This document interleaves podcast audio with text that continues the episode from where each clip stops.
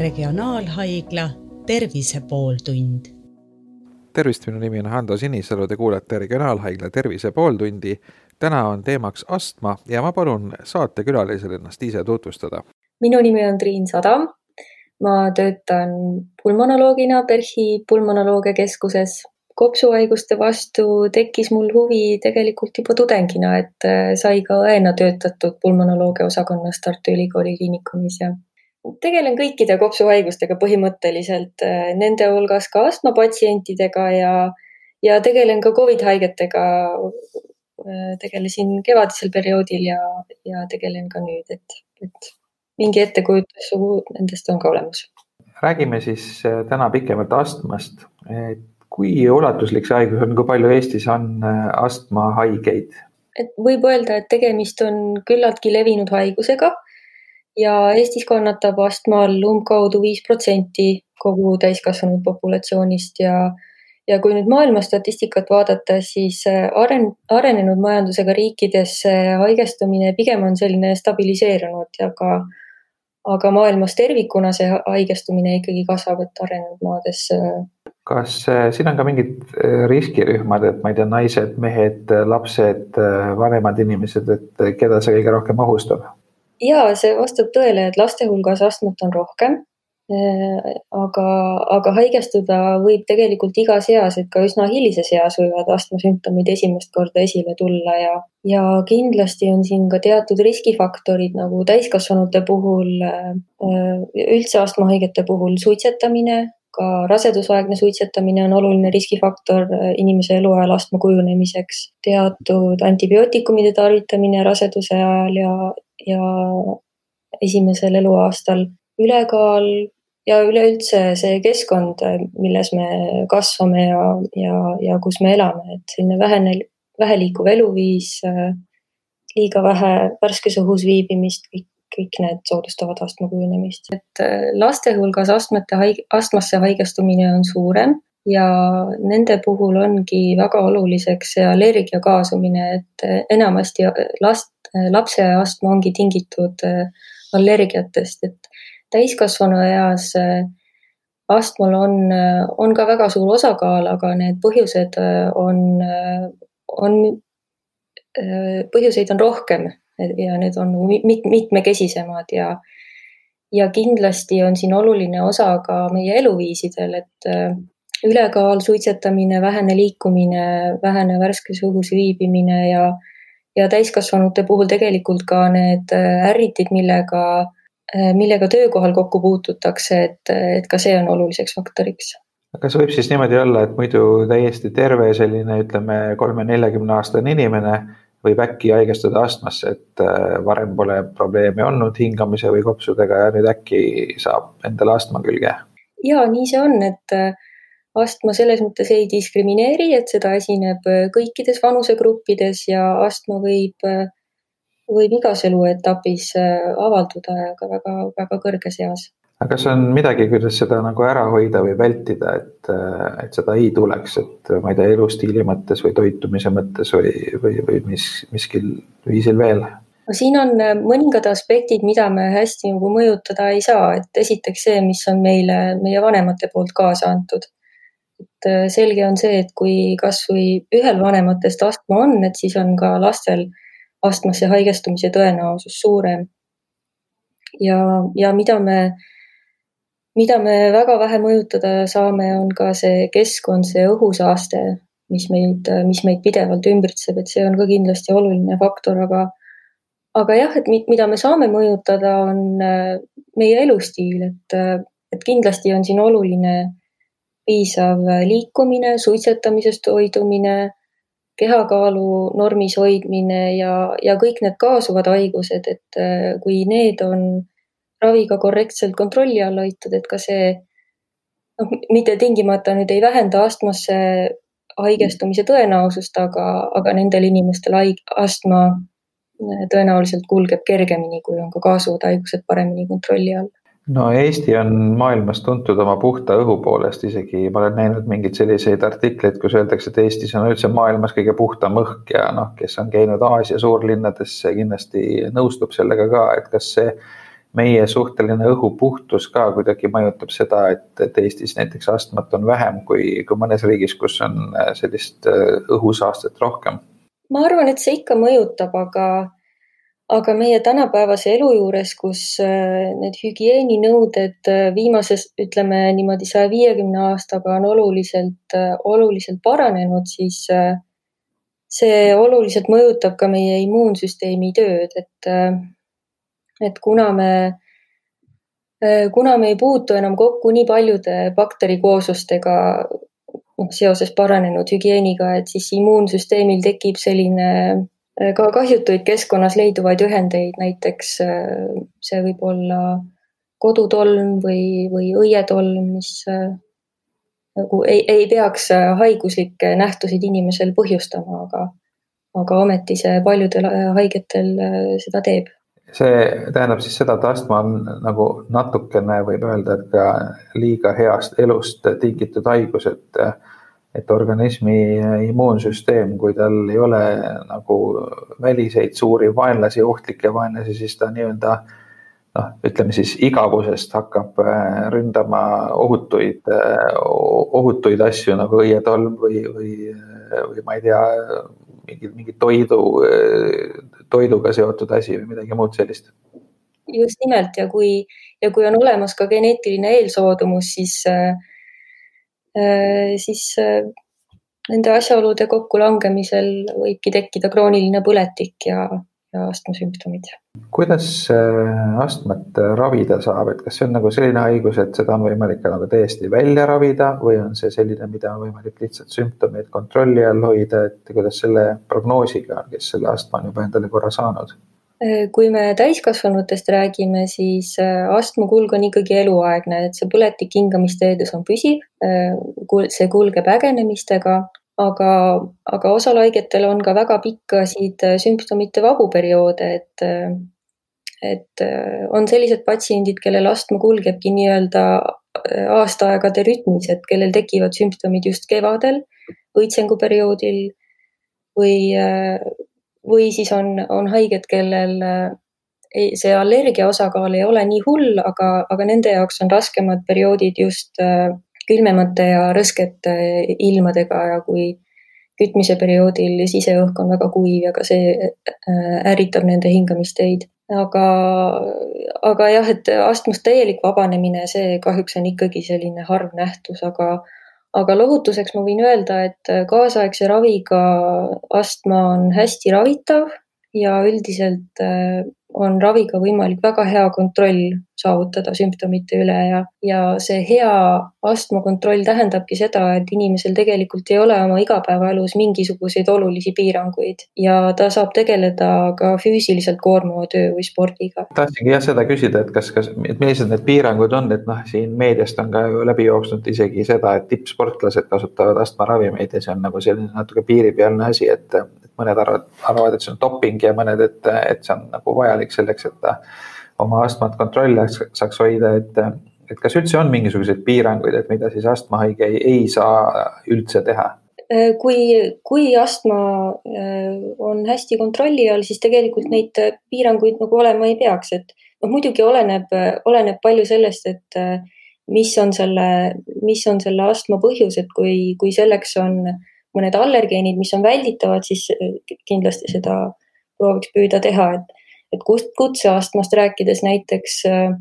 äh, võib olla vajalik ka töö ümberkorraldamine või,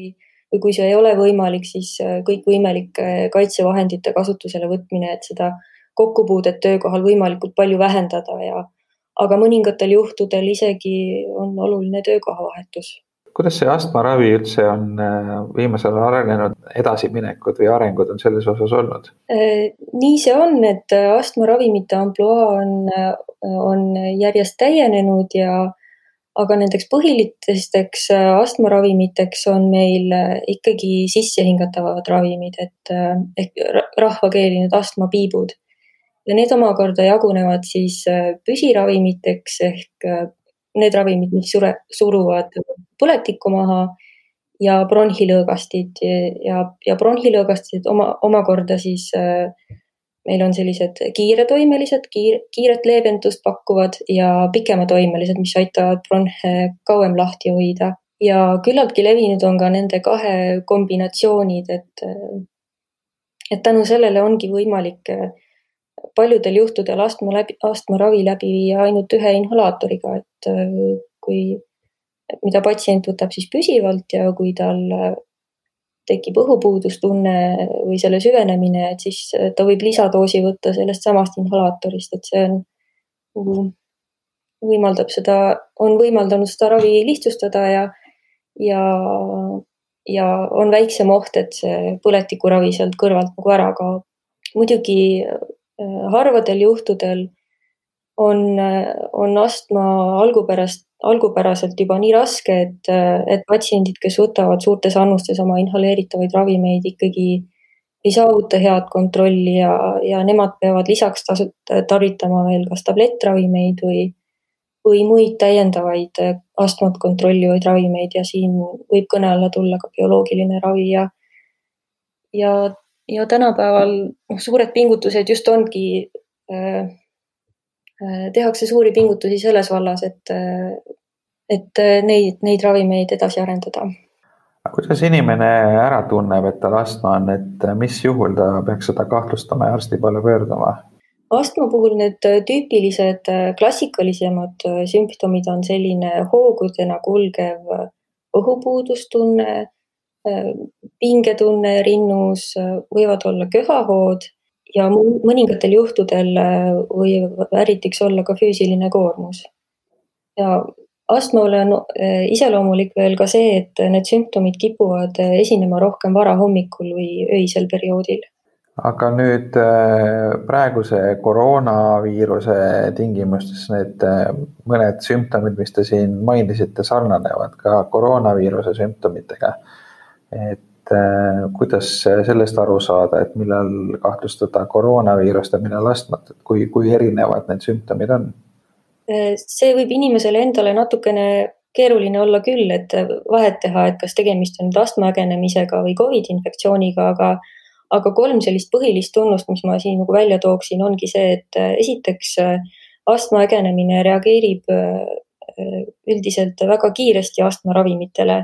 mida Covidi kohta nagu öelda ei saa. ja teiseks äh, astma ägenemisele pigem ei ole iseloomulik palavik. Ja, ja kolmandaks, et need peavalu, lihasliigesvalu ja maitsetundlikkuse häired, et need, et need võiksid ka pigem, pigem äh, Covidi, äh, Covidile viidata. Ja, ja hästi oluline tegelikult äh, ongi igal inimesel oma astmahaigust hästi tunda et teada, milline on tema haigus äh, ägenemiste vabal perioodil, millised on siis kaebused ja, ja kuidas on kulgenud varasemad ägenemised, et äh, kui palju on olnud köha, millise iseloomuga see on olnud, äh, hingeldust, kas on olnud ka vilistava hingamise episoode ja ja kas on olnud palavik, et see, see tihtipeale aitab selle ägenemise juba varases järgus ära tunda, nagu kogenud patsiendid seda tihti ka teevad ja ja siis, äh, kui raviarstiga on, on paika pandud äh, plaan, mida sellisel juhul teha, siis, äh, siis saabki kiiresti selle juba kontrolli alla varases faasis. aga kui see küsimus tekib, et, et kummaga tegemist on, siis kindlasti tasuks ühendust võtta perearstiga või, või kopsuarstiga. kas astmaatikud on Covidi suhtes ka kuidagi eriliselt riskirühmas või tundlikud, et kas nad peaksid nagu seda viirust äh, rohkem kartma kui, kui sellised inimesed, kellel eelnevaid kopsuhaiguseid ei ole? praegused andmed, andmed nüüd konkreetselt äh, astma puhul seda suurenenud riski nakatumiseks või ütleme ka raskemaks põdemiseks ei näita. et üldiselt olukorras, kus astma on hästi kontrolli all ja ja ei ole olulisi kaasuvaid haiguseid ning tegemist ei ole suitsetajaga, siis äh, see nakatumise risk ja, ja raskelt põdemise risk ei ole suurem kui üldises populatsioonis. aga see valvsus ikkagi on väga oluline, sellepärast et, äh, sellepärast et äh, kuskil kaks kolmandikku nendest astma ägenemistest ikkagi on igasugusest, igasugustest viirushaigustest põhjustatud ja, ja Covid sealhulgas, et, et kõik need meetmed Covidiga nakatumise vältimiseks on siin hästi olulised, et kätehügieen, köhahügieen, maski kandmine väga-väga olulised. Ja, ja mida see eelmine laine meile tegelikult ju õpetas, on see, et, et kõige, kõige suurem oht viiruse levikuks on ikkagi sotsiaalsete kontaktide kaudu ja seetõttu astmahaige ikkagi nii palju kui võimalik peaks püsima kodus ja, ja, ja seda vältima. kuidas on äh, maski kandmisega lugu, et kas äh, astmaatikul on raskem hingata ka läbi maski või on, on see tema jaoks probleem? üldiselt haiged, üldiselt haiged harjuvad sellega kiiresti ära, et see väike ebamugavus, mis selle maski kandmisega äh, kaasneb, on, äh, ei ole nii suur, et see kaaluks üle selle, selle kasu ja selle kaitse, mida maski kandmine pakub nendele haigetele endalt, endale ja, ja, ja teistele kroonilistele haigetele ka, et äh, et see, et sellest ei, ei saa kuidagi üle ega ümber. kui mõnes kollektiivis, olgu see siis kooliklass või, või töökollektiiv on, on mõni astmahaige, siis kas äh, kaaslased kuidagi peaks, tema kolleegid, ülemused peaksid kuidagi pöörama ka sellele eraldi tähelepanu või on see selline asi, millest inimene ei peakski rääkima ja tal on õigus nagu privaatsusele ja, ja seda haigust ei, ei, ei peaks äh, üldse avalikustama kuidas sellega lugu on, et, et võib ju olla mingeid olukordi, kus, kus inimene, kellel on astma, nagu tunneb ennast halvasti või ta tunneb, et ta ei, seda konkreetset tööd näiteks ei taha teha või on tal mingi atakk, et ta vajab mingisugust aega, et sellest toibuda või, või, või ravimeid panustada, et kuidas sellega lugu on? no esiteks, et kui astmat põdeval inimesel töö juures need, tema tööd tehes need sümptomid süvenevad, siis kindlasti tuleks, tuleks järgi mõelda, et äh, kas see konkreetne tööprotsess äh, on sobilik selle patsiendi jaoks või on võimalik see ümber korraldada. ja ma arvan, et seda, seda ei peaks varjama oma töökollektiivi eest, et eriti praegust olukorda arvestades, et, et äh, seda, kui, kui keegi köhib, et või, võidakse ju mitut moodi mõista, et ja, ja teisest küljest ka ägenemiste puhul see on hea, kui ümbritsevad inimesed teavad ja siis nad eh, ehk oskavad ka paremini abi anda. kas teie praktikas on kuidagi välja joonistunud ka mingid konkreetsed tööd või, või erialad, kus, kus astmaatikul nagu on parem mitte töötada või, või kus, kus töötavatel inimestel tekib sagedamini probleeme, et noh, ma ei tea mingisugune lihvimistöö näiteks, kus hästi palju tolmu tekib või, või midagi sarnast, ma lihtsalt toon hetkel nagu suvalisi näiteid. ja nii on, et need kipuvad olema sellised erialad, kus äh, töö käigus lendub palju äh, selliseid ärritavaid osakesi nagu äh, äh, lihvi, lihvimistööd, keevitustöö äh,, tegelikult ka juuksurid, pagarid et äh, nende, nende puhul esineb äh, kutseastmet rohkem. aga mis nad siis tegema peaksid, et noh, kui, kui sa ikkagi oled juuksur ja, ja tarvitad neid äh, igasuguseid juukselakke ja, ja muid kemikaale seal äh, või, või pagarina, ma ei tea, jahu lendab ringi. et seda on suhteliselt raske ju vältida, et mis siis tegema peaks vältida on raske, aga nii palju kui võimalik, tuleks seda kokkupuudet ikkagi vähendada, et selleks on siis spetsiaalsed maskid olemas. ja, ja kõik need nõuded ruumide tuulutamisele peaksid ka olema paigas ja, ja neid peaks järgima ja. ja, ja vahel tõesti lihtsalt ei jää muud üle, kui tuleb see, see töökorraldus täiesti ümber mõelda Te rääkisite tuulutamisest, et see on ka tegelikult Covidi kontekstis soovitus, mida hästi palju antakse, et ruumid peavad olema hästi õhutatud, et see ilmselt puudutab siis kõiki neid olukordi, kus õhus midagi kahjulikku lendleb ringi. et, et kuidas teie hinnangul on ka oma, oma patsientidega rääkides, et kuidas selle, selle tuulutamisega lugu on, et meil see kliima on nagu ta on, et et tihti talvel on kõigil külm ja siis, kui tahetakse veel ventilatsiooni parandada, et noh, osades töökohtades on, on õhukonditsioneerid ja, ja muud äh, sellised süsteemid, aga mõnel pool tuleb lihtsalt aken lahti teha, et et kuidas selle ruumide ventileerimise olukord äh, on teie hinnangul? no ma ütleks nii, et tuleb kasutada, tuleb kasutada seda, mis on, et kui tõesti ei olegi muud varianti, siis lihtsalt see uks või aken avada. ja, ja ega meie oma igapäevatöös ju seda samamoodi teeme, et ambulatoorsetel vastuvõttudel proovime ka ruume ikkagi õhutada patsientide vahepealsel ajal ja, ja eriti nendes ruumides, kus toimuvad erinevad kopsu-uuringud, kus patsiendid teevad suuri hingamisliigutusi ja, ja kus on oht, et, et neid viiruse osakesi võib õhku paiskuda, et, et ma arvan küll, et see aitab ja see on oluline, et võimaluste mhm. piires seda ikkagi teha. räägime lastest ka korraks veel, lastest ja astmast, et, et ma saan aru, et see võib avalduda juba nagu päris väikese, väikestel lastel et kuidas vanemad sellest nüüd aru saavad, et nendel lastel võib olla astma või seda kahtlustada, et, et mis need märgid on, mille, millele vanemad peaksid siis kindlasti reageerima? Laste puhul, no tegelikult see, need sümptomid ei erine palju täiskasvanu, täiskasvanute kliinilisest pildist, et õhupuuduse hood, raskendatud väljahingamine, tugevad köhahood isegi äh, kuni oksendamiseni köhimine ja, ja tüüpiliselt need sümptomid äh, esinevad rohkem äh, sellisel öisel ja varahommikusel perioodil. üks selline tunnus, mis võiks veel astmale viidata, on niinimetatud sageli ja raskelt põdemine, et selline vinduv põdemine või sagedased bronhiidid, et, et see tihtipeale ongi esimene, mis võib tekitada kahtlust astma esinemisele et kui nüüd see jutt kokku võtta, siis äh, esiteks, et mis on äh, need sümptomid, mille korral äh, inimene peaks astmat kahtlustama ja arsti poole pöörduma, et mis, kordame üle, mis need on? Astma puhul tüüpilised sümptomid on hingamistakistus, eriti raskendatud väljahingamine, köhahood, selline pingetunne rinnus ja iseloomulik on just nende sümptomite esinemine öisel ja varahommikusel perioodil ja sageli äh, esinevad need, äh, need sümptomid seoses äh, allergeenide või mingite konkreetsete ärrititega. Osadel haigetel võib selleks olla näiteks külm õhk või muud ilmastikumuutused, see võib olla füüsiline koormus, aga need võivad olla ka, selleks võib olla ka kodutolmulest või, või õietolm või muud allergeenid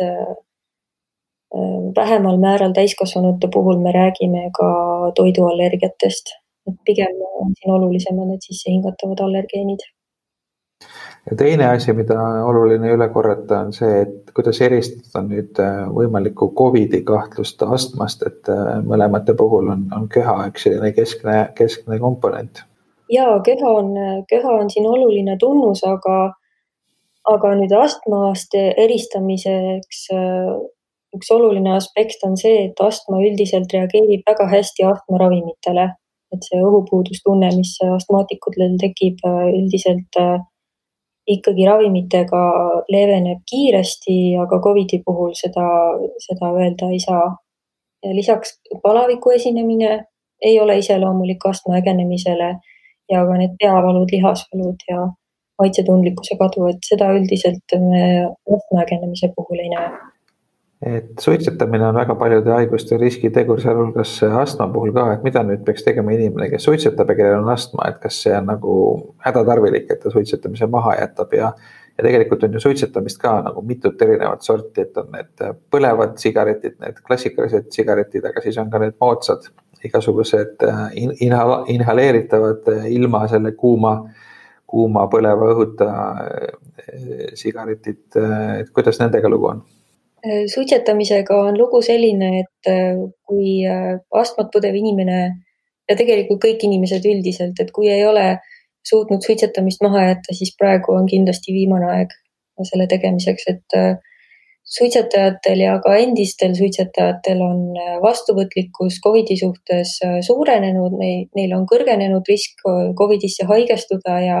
ja on tunduvalt suurem tõenäosus, et neil kujunevad välja Covidi rasked vormid ehk näiteks kopsupõletik, mis, mis võib ka surmaga lõppeda. ja, ja, ja see soovitus kehtib nii tavalise sigarisuitsu kui ka e-sigarettide osas. aga astma puhul, kuidas astmaga lugu on, et kas astmaatik peaks kohe kindlasti suitsetamise maha jätma, kui ta veel suitsetab? kindlasti jah, et nendel samadel põhjustel astmahaige puhul on see eriti oluline suur tänu, et kuulasite Regionaalhaigla Tervise pooltundi. minu nimi on Hando Sinisalu ja tänases saates oli külas pulmonoloog Triin Sadam. aitäh kõigile kuulamast. regionaalhaigla Tervise pooltund